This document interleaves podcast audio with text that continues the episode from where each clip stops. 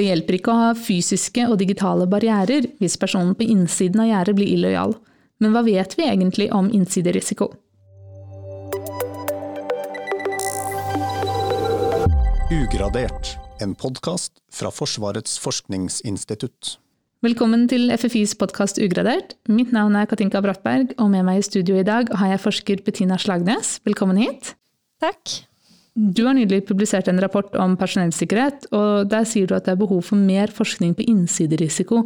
Kan ikke du fortelle oss hva en innsider er? Eh, det finnes eh, egentlig ganske mange definisjoner på en innsider. Um, men jeg liker godt definisjonen som NSM har i deres sikkerhetsfaglige råd, som nylig ble publisert. Og det er at det er en person som bevisst eller ubevisst tilrettelegger for uh, trusselaktører, eller på annen måte skade virksomheten gjennom tilganger og kunnskaper som personen har fått, nettopp i kraft av å være på innsiden. Ok, Så da handler det om en person som utleverer informasjon om egen arbeidsplass som kan gjøre skade. Er det riktig forstått? Eh, ja, det er blant annet det, men det kan også eh, være skade i form av at de saboterer noe, bedriver korrupsjon, begår terrorvirksomhet, og det trenger ikke å være nåværende arbeidsplass, det kan være at de etter to år etter at de har avsluttet eh, arbeidsforholdet sitt, så kan de f.eks. bli kontaktet av en etterretningsagent og dele informasjonen da, med den personen. Så det er egentlig ganske mange måter man kan begå skade på som gjør at man defineres som en innsider. Og har du noen eksempler på dette fra, fra Norge nå i nyere tid? Ja, blant annet uh, Eirik Jensen uh, kan defineres som en innsider, for han bedrev korrupsjon. Relativt nylig så ble en ansatt i DNV GL, eller også kalt Det Norske Veritas. Han ble tiltalt og dømt for korrupsjon. Han hadde utvekslet ugradert informasjon med en russisk etterretningsagent, men, men det var fortsatt sensitiv eh, informasjon. Og så har vi jo også eksempelet på Universitetet i Tromsø, der de, det var en, eh, også en russisk eh, etterretningsagent som uka seg for å være en brasiliansk forsker. Så vi har noen få eksempler. Slik som en insider da blir definert her, så kan jo f.eks. Snowden bli eh, kalt en insider. Mm. Mens for veldig mange andre så vil han jo heller eh, omtale det som en, som en varsler.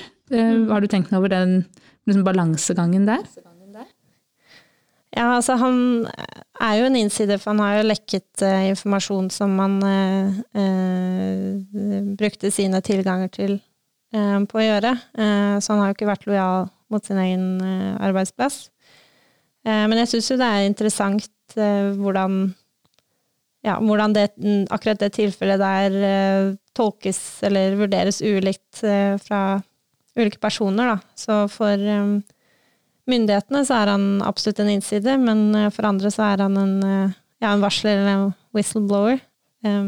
så ja, jeg syns det er i hvert fall interessant å se hvordan akkurat det tilfellet der tolkes ulikt fra ulike parter. Er det mulig å si noe liksom, generelt om hva som motiverer eller driver innsidere?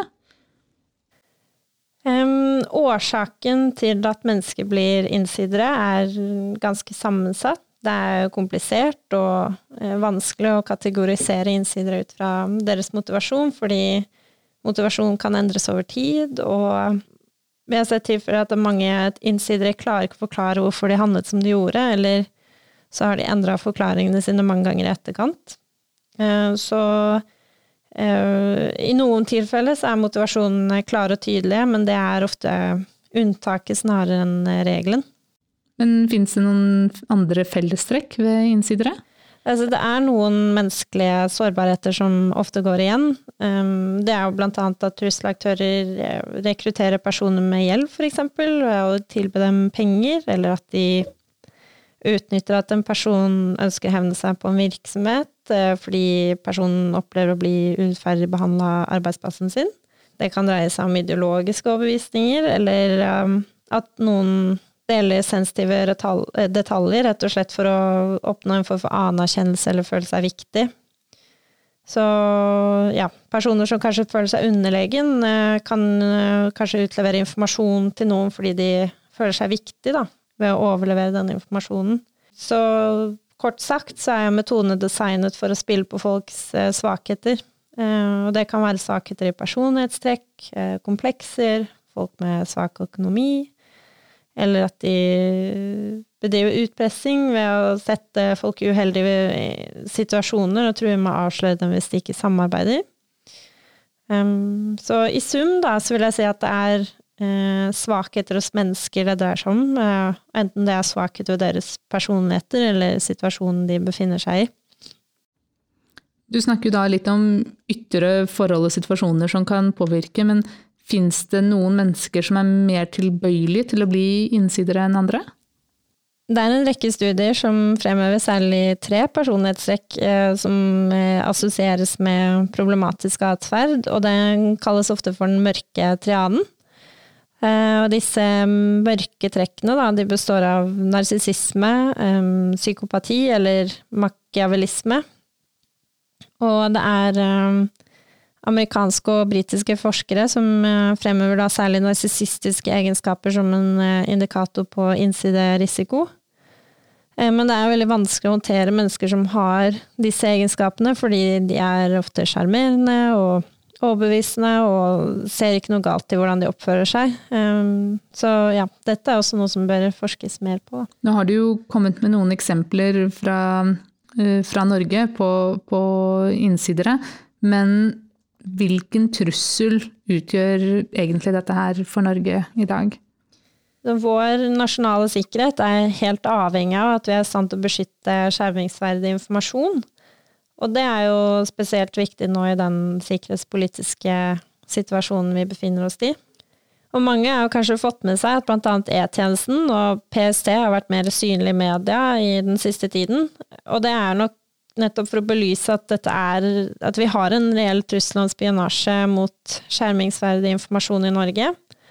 Og derfor så vil det også eksistere et ønske fra utenlandske etterretningstjenester om å skape innsidere i norske virksomheter og statlige organer. Og du har jo akkurat publisert en rapport om dette, men hvordan forsker man egentlig på innsiderisiko?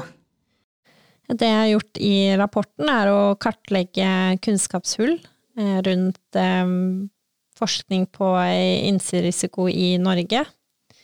Men å forske på innsiderisiko som tema, det krever nødvendigvis uh, ulike typer studier basert på det man ønsker å finne ut, fordi det er et veldig komplekst tema, og derfor er vi nødt til å se på det med ulike innfallsvinkler, og kanskje bruke ulike typer metoder for å danne oss et helhetlig bilde.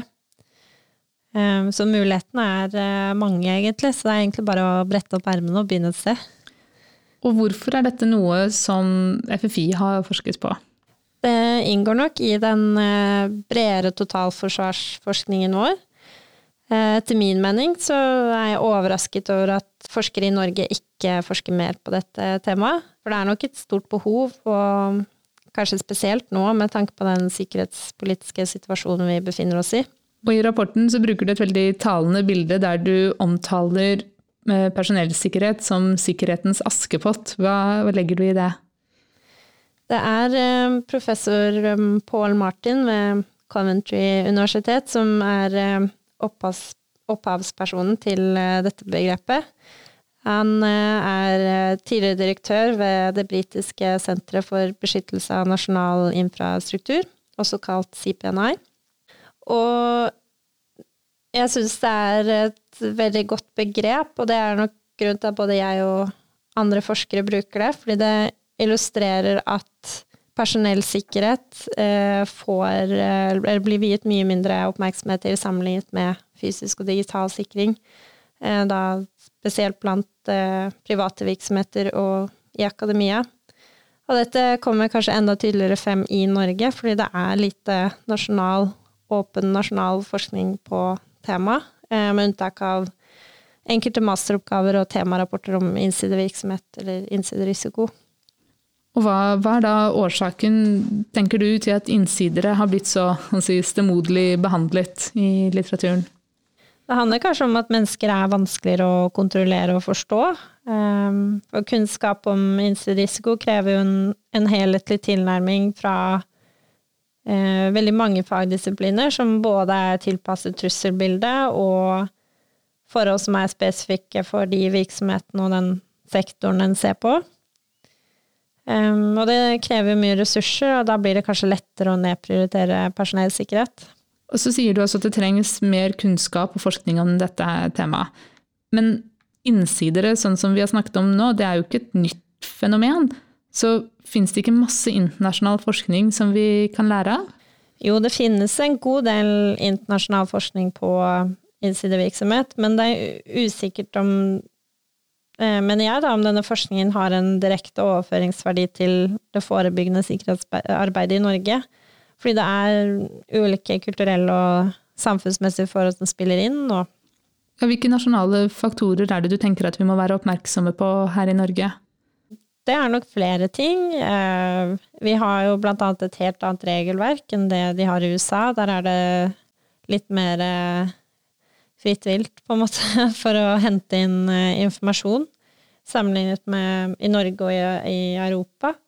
Vi grenser til Russland, for eksempel. Um, og det kan jo også kanskje bety at norske borgere er enda mer interessante for ja, eksempel russiske etterretningsagenter enn en, noen andre igjen. Og arbeidslivet vårt er jo også helt annerledes. Vi har en helt annen historisk bakgrunn enn det USA har. Eh, jeg kan jo se for meg at, at det er flere tilfeller av innsidecase der ideologiske overbevisninger har vært eh, et tilfelle, da. Basert på ja, USAs legitimering av å gå til krig med andre land, eksempel. Så, så det kan jo hende at det har en, eh, en direkte overføringsverdi, men da må vi i hvert fall undersøke om det har det, eh, sånn at vi vet det, og ikke bare antar det. Og hva er de største utfordringene, tenker du, i arbeidet med å beskytte oss mot innsidere? Ja, det er jo et veldig viktig, men samtidig et vanskelig spørsmål å svare på. Jeg tror vi kan få veldig mange forskjellige svar, enten vi da spør eh, etterretnings- og sikkerhetstjenestene, eller private virksomheter, eller um, ulike forskningsmiljøer. Uh, men etter min mening, da, så er det i hvert fall lite åpen nasjonal forskning på ris innsiderisiko uh, i en norsk kontekst, og at denne kunnskapen blir satt i system. Og hvordan kan vi da best beskytte oss mot innsidere? Jeg tror det viktigste er at vi sørger for at eh, fysiske og digitale barrierer ikke blir en hvilepute. Eh, og med det så mener jeg at risikoen er ikke borte selv om personer har gjennomgått en bakgrunnssjekk, eller at vi har gode fysiske og digitale barrierer. Et eksempel er jo at IT-systemene blir jo stadig sikrere, men da vil jo også verdien av å ha en innsider med lovlig tilgang til disse IT-systemene øke. Um, så mennesker vil alltid være en sårbarhet bak porten og, eller IT-systemene, og det må vi ikke glemme. Eh, men i rapporten så snakker du også om det du kaller ubevisste eh, innsidere. Altså personer som tilrettelegger eller deler sensitiv informasjon uten at de selv er klar over. Og er dette i det hele tatt noe som det er mulig å beskytte oss mot? Jeg tror vi alle kan være i stand til å bli ubevisste innsidere, fordi det å være sikkerhetsbevisst krever at man har en vilje og en evne til å holde seg oppdatert på trusselbildet og samfunnsendringer, og også gjeldende sikkerhetsrutiner. Så det er jo en egenskap eller en kunnskap som krever kontinuerlig vedlikehold, og at man terper på rutinene. Så, og det som kanskje er ekstra skummelt, er hvis man har på en måte vært med i gamet i, i, mange år og kanskje blitt litt slapphendt fordi man tenker at man kan rutinene så godt.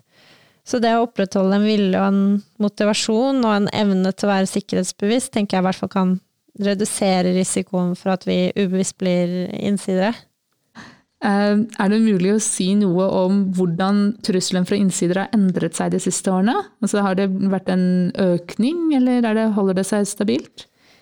Samfunnet har i hvert fall endret seg, eh, og det kan jo ha implikasjoner for innsiderisikoen. Eksempel der det var behov for manuell arbeidskraft ved diverse um, operasjoner, så, som f.eks. å kartlegge alle som jobber for en bestemt bedrift, så er det jo nå mulig å utføre mange operasjoner automatisk um, gjennom sosiale medier. Um, det er også lettere å komme i kontakt med å kultivere potensielle innsidere innledningsvis ved å bruke sosiale medier.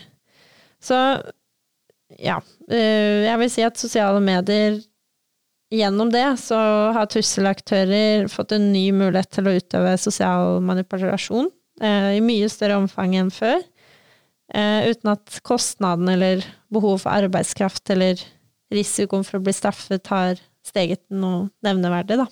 Og i lys av dette også, hva vil være de viktigste liksom, temaene å forske videre på i framtiden, eller hva er de store spørsmålene som trengs å besvares? Eh, det er nok en rekke temaområder som vil være gjenstand for nasjonal åpen forskning. I rapporten så peker jeg på fire ting. Eh, det ene er at det bør forskes på hvordan påvirkningsoperasjoner i det digitale rom kan føre til økt innsidevirksomhet. Eh, en annen ting er at forskningen bør se på faktorer som kan brukes til å vurdere den sikkerhetsmessige siktheten til en person. Og det tredje er at forskningen bør eh, ta for seg innsiderisiko og sikkerhetskultur ut fra norske forhold. Sist, men ikke minst, så bør det forskes mer på hvordan eksisterende kunnskap og eh, kompetanse innenfor ledelse og organisasjonsutvikling og pedagogikk f.eks. kan anvendes i en sikkerhetssammenheng, da. Det høres ut som det er nok å ta tak i årene som kommer, i hvert fall. Det er det. Men det var alt vi hadde tid til nå. Tusen takk, Bettina, for at du hadde tid til å komme og fortelle om innsiderisiko. Takk for meg. Og hvis du som lytter vil lære mer om dette eller andre forskningstemaer ved FFI, så finner du masse informasjon på ffi.no.